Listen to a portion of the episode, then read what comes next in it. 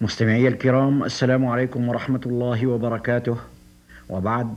في السنة السادسة للهجرة عزم الرسول صلوات الله عليه على أن يوسع نطاق دعوته إلى الله. فكتب ثمانية كتب إلى ملوك العرب والعجم وبعث بها إليهم يدعوهم فيها إلى الإسلام. وكان في جملة من كاتبهم ثمامة بن أوثال الحنفي. ولا غرو فثمامة قيل من أقيال العرب في الجاهلية وسيد من سادات بني حنيفة المرموقين وملك من ملوك اليمامة الذين لا يعصى لهم أمر. لكن ثمامة لم يعرض عن دعوة الهدى والحق فحسب وإنما عزم على أن يقضي على رسول الله صلى الله عليه وسلم قضاء مبرما. وقد اتفق له أن ظفر بالنبي عليه السلام فبادر إليه يريد قتله وكادت تتم الجريمة الشنعاء على يديه لولا أن عما له ثناه عن عزمه في آخر لحظة فنجى الله نبيه من شره. لكن ثمامة ما لبث أن أصاب في المسلمين دما حيث قتل بعض أصحاب رسول الله صلى الله عليه وسلم. عند ذلك أهدر النبي عليه الصلاة والسلام دمه وأعلن ذلك في أصحابه. لم يمض على ذلك طويل وقت حتى عزم ثمامة بن أثال على أداء العمرة فانطلق من أرض اليمامة موليا وجهه شطر مكة ترفعه النجاد وتحطه الوهاد وهو يمني نفسه بالطواف حول الكعبة والذبح لأصنامها. وبين كان ثمامة في بعض طريقه قريبا من المدينة نزلت به نازلة لم تقع له في حسبان. ذلك أن سرية من سرايا رسول الله صلوات الله وسلامه عليه كانت تجوس خلال الديار خوفا من أن يطرق المدينة طارق أو يريدها معتد بشر.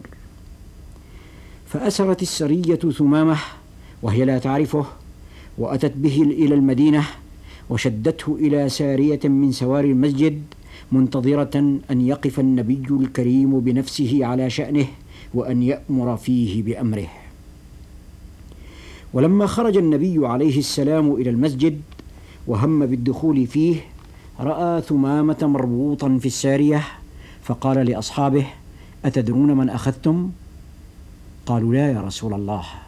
قال هذا ثمامة بن أثان الحنفي فأحسنوا أساره.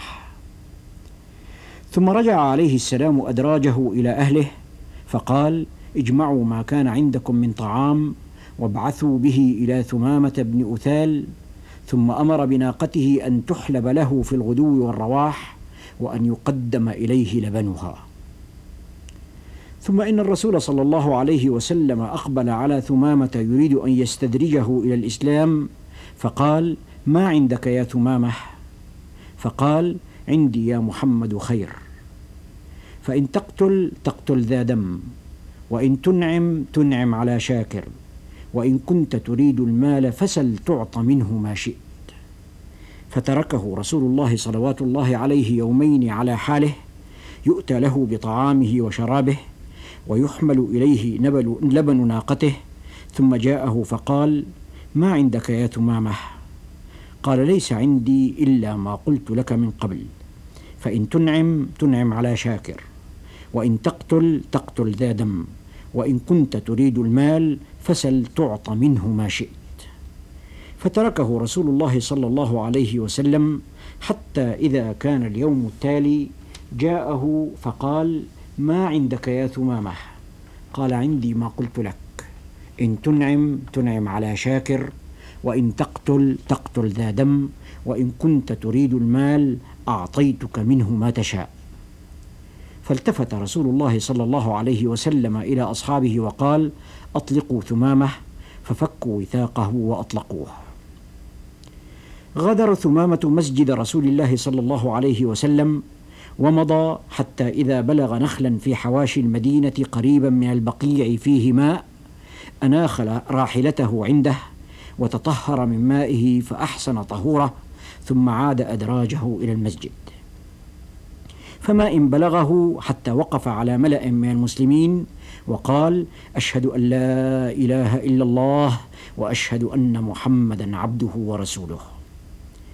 ثم اتجه إلى رسول الله صلى الله عليه وسلم وقال يا محمد والله ما كان على الأرض وجه أبغض إلي من وجهك فقد أصبح وجهك أحب الوجوه كلها إلي. ووالله ما كان دين أبغض إلي من دينك فأصبح دينك أحب الدين كله إلي. ووالله ما كان بلد أبغض إلي من بلدك فأصبح بلدك أحب البلاد كلها إلي.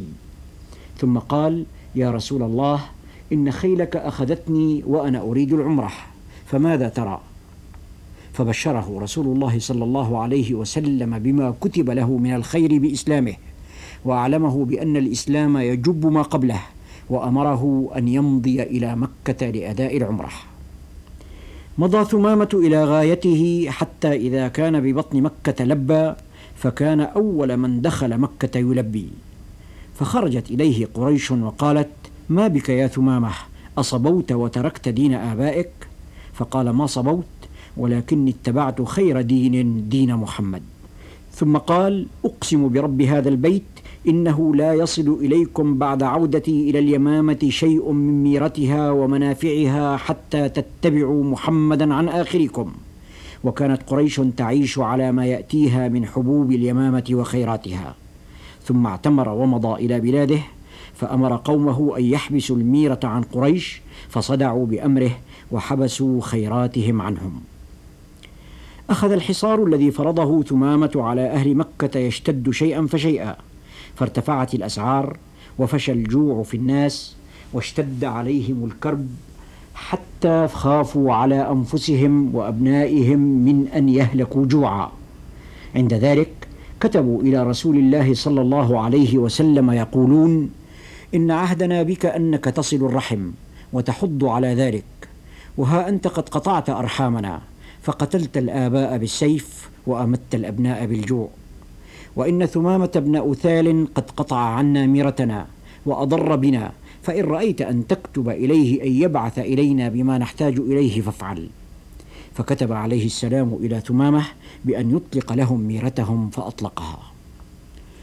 ظل ثمامة بن أثال ما امتدت به الحياة وفيا لدينه حافظا لعهد نبيه فلما التحق الرسول عليه السلام بالرفيق الأعلى وطفق العرب يخرجون من دين الله زرافات ووحدانا وقام مسيلمة الكذاب في بني حنيفة يدعوهم إلى الإيمان به وقف ثمامة في وجهه وقال لقومه يا بني حنيفة إياكم وهذا الأمر المظلم الذي لا نور فيه وإنه لشقاء كتبه الله عز وجل على من أخذ به منكم وبلاء على من لم يأخذ به.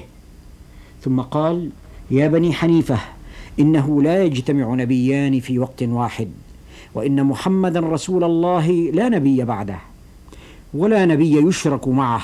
ثم قرأ عليهم حاميم تنزيل الكتاب من الله العزيز العليم غافر الذنب وقابل التوب شديد العقاب ذي الطول لا إله إلا هو إليه المصير. ثم قال أين كلام الله هذا من قول مسيلمة؟ يا ضفدع نقي ما تنقين لا الشراب تمنعين ولا الماء تكدرين.